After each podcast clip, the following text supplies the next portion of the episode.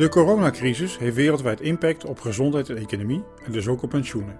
Kennisnetwerk Netspar inventariseerde welke thema's nu leven in de Nederlandse pensioensector. Gedragseconoom Marieke Knoef ging in een aantal webinars in gesprek met diverse experts vanuit de wetenschap, op zoek naar antwoorden en nieuwe vragen. Luister deze aflevering mee naar Peter Schotman over beleggen, herbalanceren en het uitsmeren van negatieve schokken in tijden van crisis. Nou, van harte welkom eh, bij dit Netspark Q&A webinar over corona, beleggen, herbalanceren en het uitsmeren van negatieve schokken. Dus als gevolg van corona zijn de beurskoersen hard gedaald en eh, de, waardelen, de waarde van aandelen is snel afgenomen. En daarmee neemt ook het gewicht van de aandelen in het totale pakket af. En dat roept de vraag op of je nu niet misschien extra in aandelen bij moet kopen. En de vraag van vandaag is, ja, wat zijn dan de argumenten om juist wel of juist niet aandelen bij te kopen? En kunnen we die schokken dan uitsmeren over tijd? Of wat zijn daar de voor- en de tegens van? Nou, daarover ga ik praten met uh, Peter Schotman. Uh, Peter is onze expert van vandaag. hij is hoogleraar financiële econometrie aan de Universiteit van Maastricht.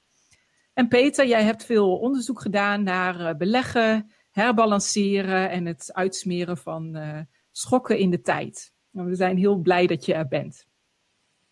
Dank je. Nou, ja, het, het, doel van dit gesprek vandaag is om wetenschap en praktijk dichter bij elkaar te brengen.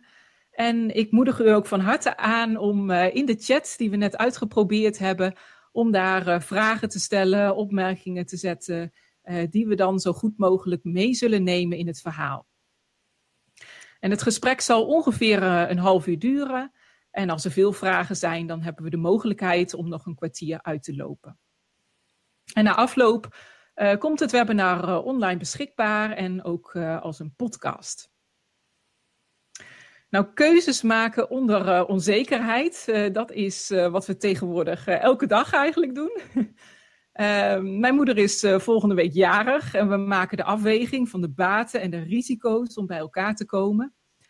Uh, maar de keuzes van pensioenfondsbestuurders die zijn uh, nog wel wat, wat heftiger dan dat. maar gelukkig is er ook wetenschap die ons kan helpen in ja, het beantwoorden van die moeilijke vragen. Dus of we nou moeten bijkopen of niet. Nou, ik zie in de chat dat op dit moment 73% van de mensen denkt, nou dat is misschien wel een goed idee. En Peter, ik ben benieuwd ehm, of jij ons wat meer kan vertellen over wat zijn nou de overwegingen om wel of niet aandelen bij te kopen? Uh, laat ik beginnen met dan het standaardverhaal. En dat sluit wel aan bij de 73% Dat, uh, als ik het standaardverhaal daarmee moet beginnen, dan uh, doe je ook een soort lange termijn perspectief. En een van de bekendste dingen als je naar een lange termijn perspectief kijkt, is kijken naar een koers-winstverhouding van aandelen en er zijn allerlei bekende grafieken van. Op de website van Robert Schiller kun je er eentje vinden voor de VS vanaf 1871. Hoe die verhouding zoal uh, verloopt. En dan zie je dat die pieken en dalen heeft. En lange golven zie je daarin. En je ziet dus ook pieken dat ding heel hoog was net voor die dotcom-crisis rond 2000. Dan zie je en dat die daarna heel hard daalt.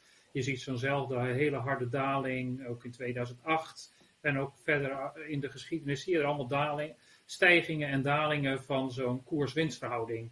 En dat is in heel veel modellen waar men heeft geprobeerd aandelen te voorspellen, rendement te voorspellen, is dit altijd een van de dingen geweest waar naar gekeken heeft.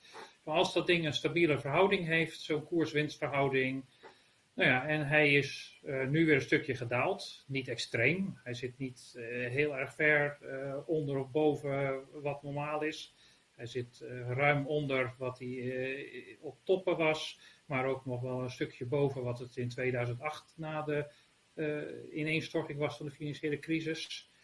En, dan is even, en dat, dit is dus een van de dingen die gebruikt wordt om te voorspellen.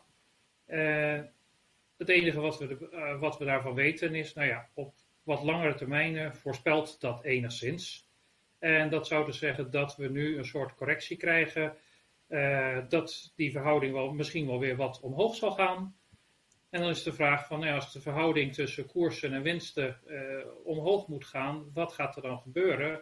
gaat dan de koers omhoog? Dus is het goed voor aandelenrendementen? Of is dat winsten die blijkbaar omlaag gegaan zijn en, en die we omlaag zien gaan? Historisch wat daarvan bekend is, is dat de aanpassing meestal plaatsvindt uh, via koersen. Dus dat dat meestal een teken is dat er wat betere rendementen zitten aan te komen in de toekomst. En dan moet je bij toekomst denken echt over een langere periode. En niet dat je dat op maand of op jaarniveau al meteen heel veel aan kunt voorspellen. Als je naar huidige data zou gaan kijken, dan is het toch alweer wat uh, moeilijker in deze crisis. Omdat we nu weten dat ja, we weten duidelijk al dat er een hoop bedrijven uh, het moeilijk hebben. Uh, dat er misschien voor de komende op korte termijn wel uh, echt wel grote verliezen aan zitten komen. En dus dat het niet helemaal duidelijk is hoe die aanpassing de komende tijd zal gaan. En of dat helemaal via de koersen en de winsten gaat. Dus andere woorden, of, en daar is altijd waarom als wetenschap de zaak altijd een beetje onduidelijk wordt, is gaat het deze keer zoals het in het verleden gaat. dus is het nog steeds zo'n voorspeller. Dus als dit, volgens dit standaardverhaal zou je zeggen, ja, je zou moeten herbalanceren, op zijn minst totdat je uh, weer op het oude uh, niveau van gewicht van aandelen bent. En misschien zelfs iets meer, dat is een hoop van de uh, literatuur die erover gaat, dat lange termijn beleggers kunnen dat zelfs nog wel wat agressiever doen. Dus daar, daar heb je een beetje een van de delen van waar het standaard verhaal is. Uh, er zijn een paar dingen die je daar tegenover. Dus ik ga nu wat kanttekeningen maken. Uh, waar, wat is er uh, nog meer aan de hand? Nou ja, je kunt je vragen, afvragen van als je nu een grote verlies hebt geleden en je bent in een periode dat het ook slechter gaat dan zien we natuurlijk wat er tegenover staat. Misschien een hoger verwachte rendementen, maar misschien dat ook de risicoaversie aan het toenemen is. We zijn in een slechte tijd. Mens, uh, wat we ook heel veel weten, uh, denk dat jij er waarschijnlijk nog meer van weet dan ik, Marieke, over wat we dan van individuen en van huishoudens en ook van alles, dat er eigenlijk veel meer risicoaversie is. En dus misschien, we willen helemaal niet zo heel erg veel beleggen, want en een hoop van de, en eh, wat daar ook mee samenhangt, is dat er ook misschien ook risico's in uh, werkloosheid, in inkomen zijn, die ermee gecorreleerd zijn. Dus er zouden allerlei redenen kunnen zijn waarom je toch niet zoveel in aandelen en het risico wat wil terugnemen. Dat is een andere reden waarom je dus die risicoaversie kan toenemen. Zeg nou ja, een beetje verlies kunnen we wel hebben en misschien nog een beetje meer verlies kan wel. Maar op een gegeven moment moet er toch ook een soort ondergrens zijn. En er zijn ook verhalen, je zegt niet alleen echt de harde ondergrens, maar we hebben ook allerlei gewoontes. En we komen nu, ja, we kunnen niet alles meer wat we deden. En ook dat soort dingen geeft allerlei effecten waarbij we zeggen, nou ja, als beleggers liever maar even uh, met wat minder aandelen en in ieder geval die ondergrens in de gaten houden. Ik denk dat je hier een soort twee van de bekendere afwegingen hebt over uh, waarom meer. Misschien een iets hoger verwacht rendement nu waarom minder? Uh, misschien dat we toch ook een ondergrens willen beschermen en dat er een toegenomen risicoaversie is. Ja, dus als ik het goed begrijp, hè, die koers-winstverhouding die geeft wel aanleiding om juist meer in aandelen te gaan. Maar uh, ja, er zitten natuurlijk ook risico's aan vast. En uh, gaat het zich allemaal zo gedragen als in het verleden? En wat betekent dat dan voor de uiteindelijke uitkomsten? Want we willen natuurlijk niet dat de dekkingsgraden nog verder omlaag zouden gaan. Ehm. Misschien wel interessant, je had het over de risicoaversie. Is die nou toegenomen of niet? Nou, we hebben een uh, vragenlijst uitgezet in het LIS-panel. En die, dat was in de maand maart. En heel toevallig nou, werden de crisismaatregelen en nou, heel corona in Nederland gebeurde gedurende de maand maart. Dus we kunnen ook de uh, antwoorden vergelijken aan het begin van de maand en helemaal aan het eind van de maand. En als we zien uh, de mensen die in de eerste vijf dagen van maart uh, geantwoord hebben, dan heeft dat een nou eigenlijk wel gelijke verdeling van antwoorden op, op die risicoaversievragen dan de mensen aan het eind van de maand. Wat ik wel weer verrassend vond. Um, maar daaruit blijkt dus niet dat de risicoaversie heel erg toegenomen is onder de Nederlanders.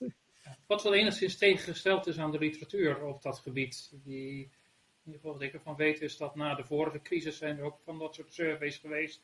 En dat je dan dus een veel grotere mate van risicoaversie gevonden is.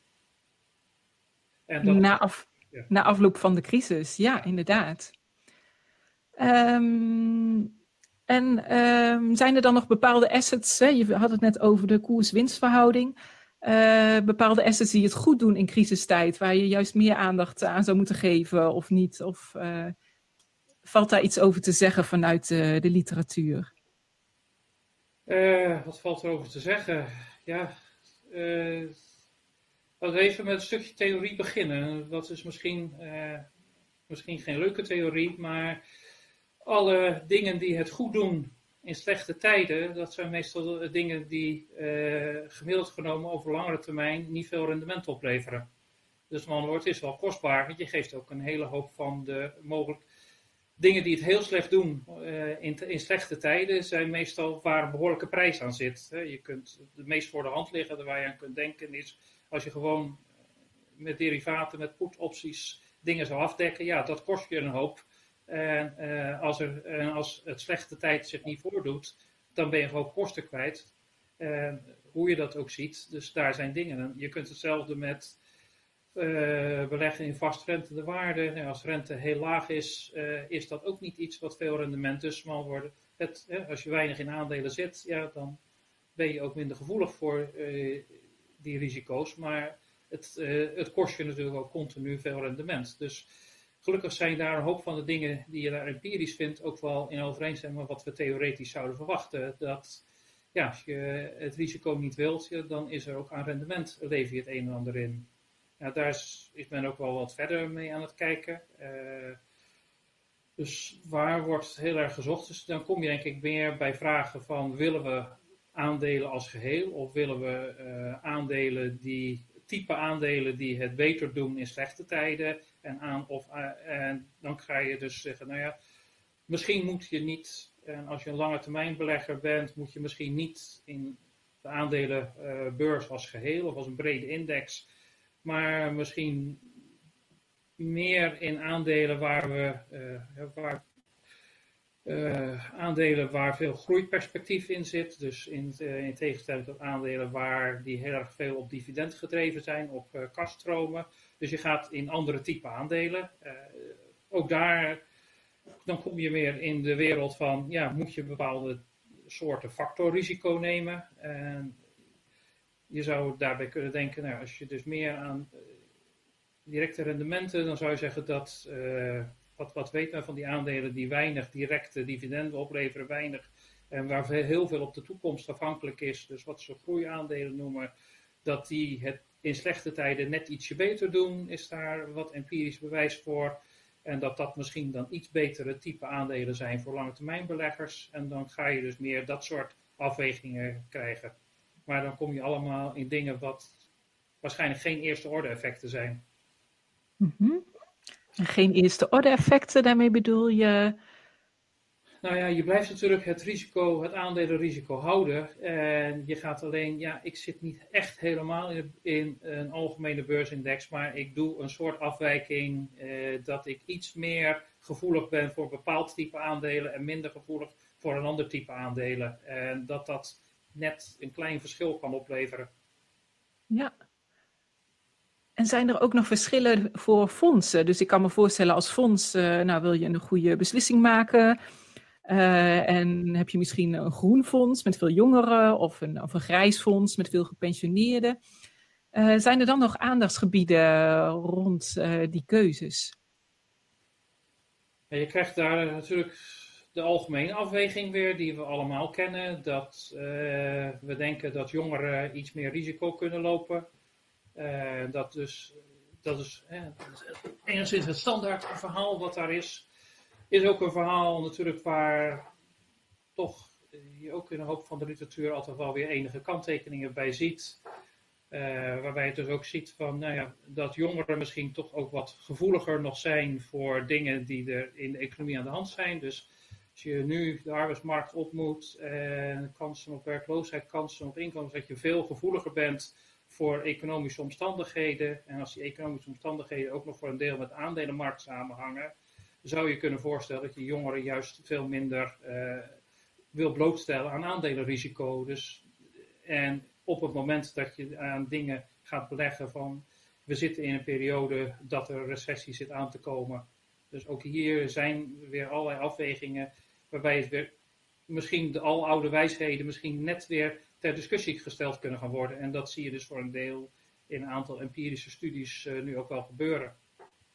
Ja, dus eigenlijk zou je misschien ook rekening moeten houden dan met de sector waarin mensen werkzaam zijn. Want ja. Nee, dat is een van de dingen waar aan waarnaar gekeken wordt. Dus dat je dus afhankelijk van de sector waar je in zit, heb je meer gevoeligheid voor eh, economische omstandigheden. En ook dat zou al meer of minder uh, blootstelling aan allerlei risico's moeten zijn. Dat is uh, onderzoek wat ook al een aantal tijden gebeurd is, ook in Nederland. mensen zich mee bezig. Ik denk Amsterdam, Esther Eiling. En heeft er ook samen met Frank de Jong allerlei dingen aan gedaan. Dus, daar, dus ook daar zie je dus al dat er hoop onderzoek gedaan wordt. Ja, ja. En ik denk, kan me voorstellen op eenzelfde manier dat ook bijvoorbeeld uh, nou, het PFZW-pensioenfonds met um, wat kleinere pensioenen ten opzichte van de AOW heeft misschien in die zin ook weer andere overwegingen dan bijvoorbeeld het ABP met, met hogere pensioenen ten opzichte van de AOW. Dus de, afhankelijkheid van mensen ten aanzien van het pensioen dat ze hebben. Nee, dan kom je weer eigenlijk bij het verhaal als ik het in het begin, waarbij die afwegingen weer zitten van als ik, als ik er behoorlijk van afhankelijk ben, als ik dicht bij een soort ondergrens en ik heb toch wel iets nodig, dat dan de mate van risicoaversie daar wat hoger zal zijn. En dat, en dat dat dus een, verschillende houding in zijn algemeenheid ten opzichte van risico nemen zal hebben. En dat is, en vooral wanneer je dus al een end naar beneden bent en je dus in meer, meer, kritische situaties komt, gaat dat denk ik een belangrijkere rol spelen. Ja, dus als mensen meer afhankelijk zijn hè, van dat pensioen, ja, wil je voorkomen dat, het, uh, dat, mensen zich te veel aan moeten passen. Uh, ja. Dus ja. ik denk dat daar de afweging zit en dat je dus ook een hoop heterogeniteit uh, gaat krijgen. Ja. nou, ondertussen als er vragen zijn ook van kijkers en luisteraars, vul die, vul, die gerust in in de chat. ondertussen heb ik ook nog een andere vraag. je hebt ook onderzoek gedaan naar um, het herbalanceren in internationaal perspectief. Dus uh, hoe uh, herbalanceren mensen, hebben, hebben pensioenfondsen dat in het verleden gedaan? Niet alleen in Nederland, maar ook uh, in andere landen. zou je daar iets meer over kunnen vertellen? Kunnen we daar misschien nog iets van leren?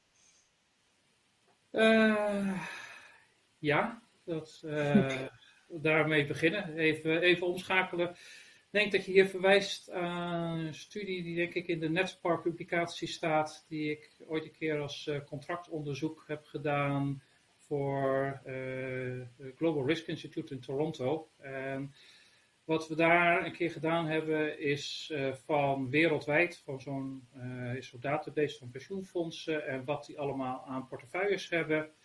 En wat we daar een keer naar gekeken hebben is hoe passen pensioenfondsen hun portefeuille aan. Uh, meer specifiek keken we uh, de crisis van 2008. Uh, wat, de, wat waren hun allocaties naar aandelen en, en, en vastrentend en alternatieve beleggingen voor 2008 en wat was het na 2008. Waar we vooral kijken van niet zozeer, er, was, er zijn meer dingen gebeurd in 2008 de rente is eh, naar beneden gegaan. Je komt dus in een periode van langdurige lange rentes. Dus we hebben het de, gekeken naar zo de drie jaar na de, na de crisis. En je hebt ook de aandelenschok gehad in 2008. En een van de dingen die we in ieder geval vonden over die hele brede cross-sectie is dat je dus een daling eh, zag in de, de blootstelling aan aandelen. Dus dat is wereldwijd met zo'n 7% zag je dat toelopen, gemiddeld over al die fondsen met een enorme variabiliteit in de cross-sectie, dus het is niet overal hetzelfde. En dat was eigenlijk dus tegen wat je zou verwachten van de standaardtheorie, waar je zou verwachten, nou ja, als die koers-winstverhouding, die was in 2008 dus behoorlijk naar beneden gegaan. Uh, je zou verwachten aandelen zijn aantrekkelijker geworden. Ook lage rentes, dat zou ook normaal een reden zijn wat aandelen aantrekkelijker maakt. Dus als je dat soort elementen ziet en je ziet dus dat eigenlijk de reactie is de andere kant uit, dan zie je dus ook dat van die effecten van nou ja, er, je, je staat er financieel heel veel slechter voor. En dan komt dat andere aspect van die risicoaversie, eh, toegenomen risicoaversie, dicht bij ondergrenzen komen. Dat is dan blijkbaar ook een belangrijk element. En je ziet dus in die afweging, eh, want een van de andere dingen die we, dat we dat vreemd vonden, dat we dat eruit kregen, was toen we gaan kijken, kijk nu eens niet alleen voor na de crisis, maar kijk nu eens naar uh, wat er zo al gebeurt als je dan een hele steekproef van zo'n periode van 15, 20 jaar neemt.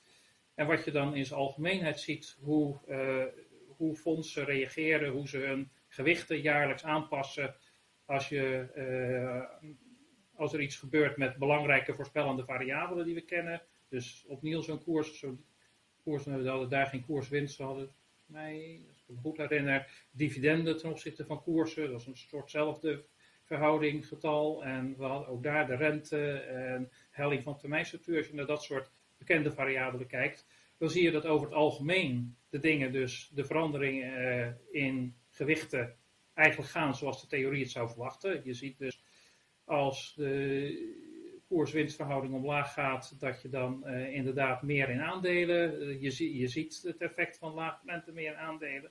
Maar als je het heel specifiek zo rond voor na een crisis doet, dan zie je dus precies de omgekeerde effecten. Ja, interessant. Uh, dus eigenlijk ondanks de koers-winstverhouding en uh, de rente, waar je zou verwachten dat mensen dan soms meer in aandelen zouden gaan, kun je soms het tegenovergestelde zien uh, vanwege de risicoaversie die toegenomen is, vanwege de ondergrenzen die bereikt worden, waardoor er toch huiver is om meer in aandelen te gaan. Ja, nou ja, ik zeg vanwege de risicoaversie. Het is natuurlijk onduidelijk wat die redenen zijn, maar dat zijn wat je theoretisch zou zou kunnen bedenken als belangrijke argumenten waarom dit uh, kan optreden, waarom je dit ziet. Ja, en als er van die negatieve schokken zijn, uh, dus uh, nou, waar dan verschillende reacties op mogelijk zijn, ehm, kunnen we die negatieve schokken ook niet wat meer uitsmeren in de tijd? En wat zijn daar de, de voor's en tegens van, zodat mensen ja, ook meer de mogelijkheid hebben om zich er wat meer op aan te passen? Uh, denk dat we nu even een tijd wordt voor misschien iets ingewikkelder verhaal. Dus wat gebeurt er? Uh, ik denk dat wat je wat over uitsmeren hebt, dat we even nauwkeurig moeten zijn wat we daar denk ik mee bedoelen. Kijk, als je gewoon als individu hebt, dan kun je wel uitsmeren. En dat doen we dus allemaal eigenlijk ook. Dat is het, eigenlijk het toepassen van levenscyclusmodellen. Van als er schok is, ja, dan ga ik uh, niet alleen mijn consumptie daar nu op aanpassen of mijn beleggingen daar nu op aanpassen. Maar ik, ga, ik kijk ook vooruit en ik kijk naar het hele pad. Dus dan, ja, goed, ik moet die schok op een of andere manier absorberen. Dus, dus als ik het als individu moet ik dat doen.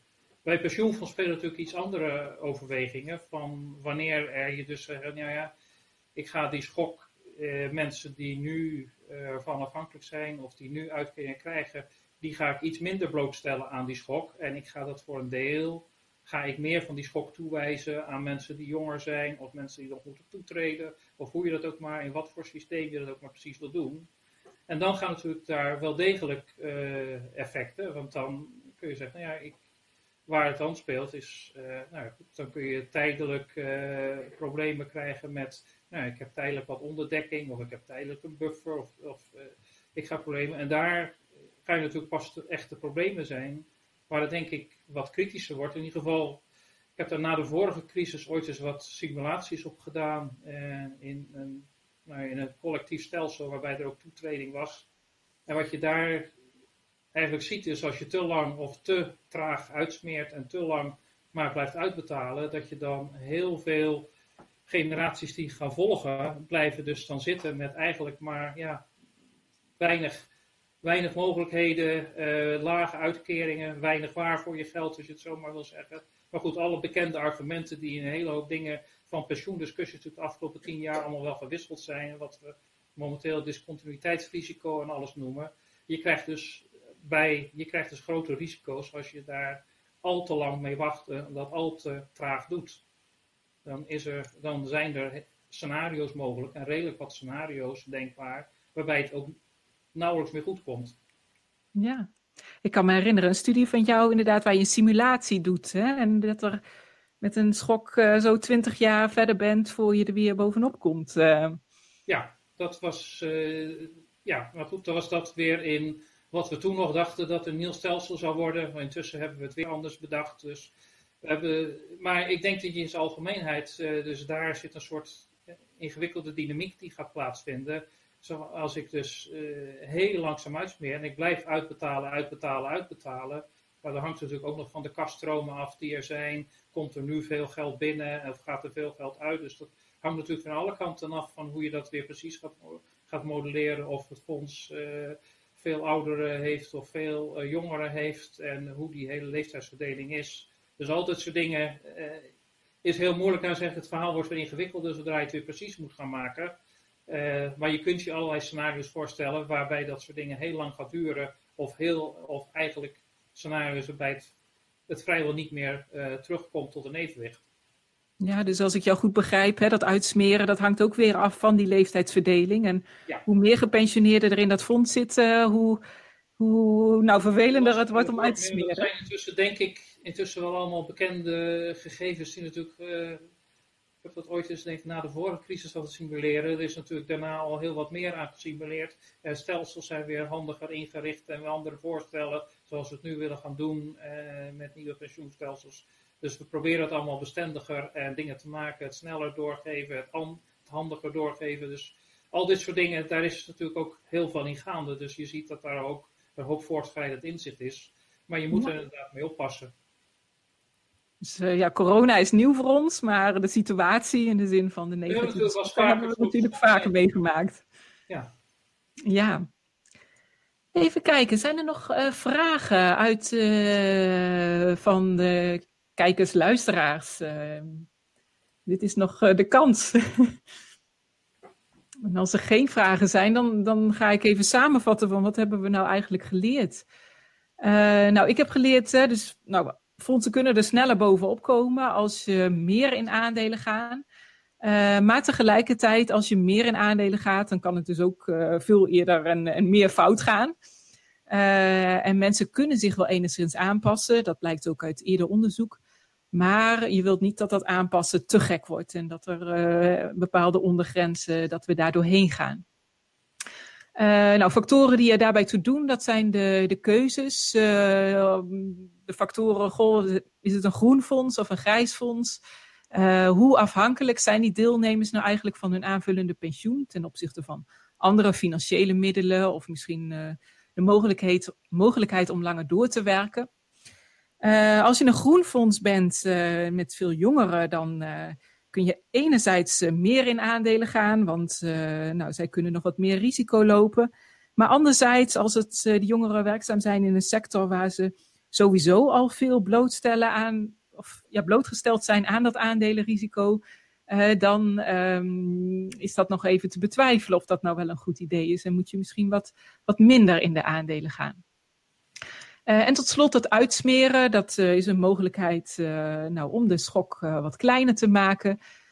maar zorg er wel voor dat het niet te lang en te traag gaat, um, um, zodat het niet al te lang duurt. Dat is mijn samenvatting van het geheel. Ik weet niet, Peter, misschien heb jij nog een boodschap of, die je mee wil geven, of misschien een belangrijke laatste vraag waarvan je zegt, nou die zouden we eigenlijk nog eens op moeten lossen. Wat is hier? Je hebt, je hebt al zoveel dingen samengevat. Daarmee ongeveer van. om een slotconclusie nog te doen, heb je bijna eigenlijk alles wel gemeld. Dat, ik denk ja. Door nog één keer samenvatten, denk ik, waar hier de afweging tussen staat. Dus van hoe interpreteren we wat er nu gebeurd is? Is dit nu echt een. is deze crisis anders dan andere crisis waarvoor? Dus is dit nu iets waarbij als we willen gaan zien hoe zo'n koers-winst weer tot evenwicht komt, gaat het deze keer echt via dat we weer betere rendementen krijgen? Of gaat het via nou ja, uh, de winsten en we hebben een wat langdurige recessie? Dus ik denk dat daar een van de vragen is: van is deze crisis nu ook wel hetzelfde als een andere crisis? Ja, dankjewel. Helder. Uh, interessant. Ik heb weer veel geleerd. Hartelijk dank uh, voor uw deelname, voor de um, aanwezigheid. En we zien u graag weer terug. Komende donderdag gaan we verder met Lisa Bruggen en Hans Hoeken. En gaan we het hebben over de communicatie van pensioenen in corona-crisistijd. Nou, ik wens u veel goeds en veel gezondheid en uh, hopelijk tot ziens. Hartelijk dank voor het luisteren naar deze Netspar podcast over corona en pensioen. Kijk voor meer pensioenonderzoek en aankomende webinars en podcasts op netspar.nl.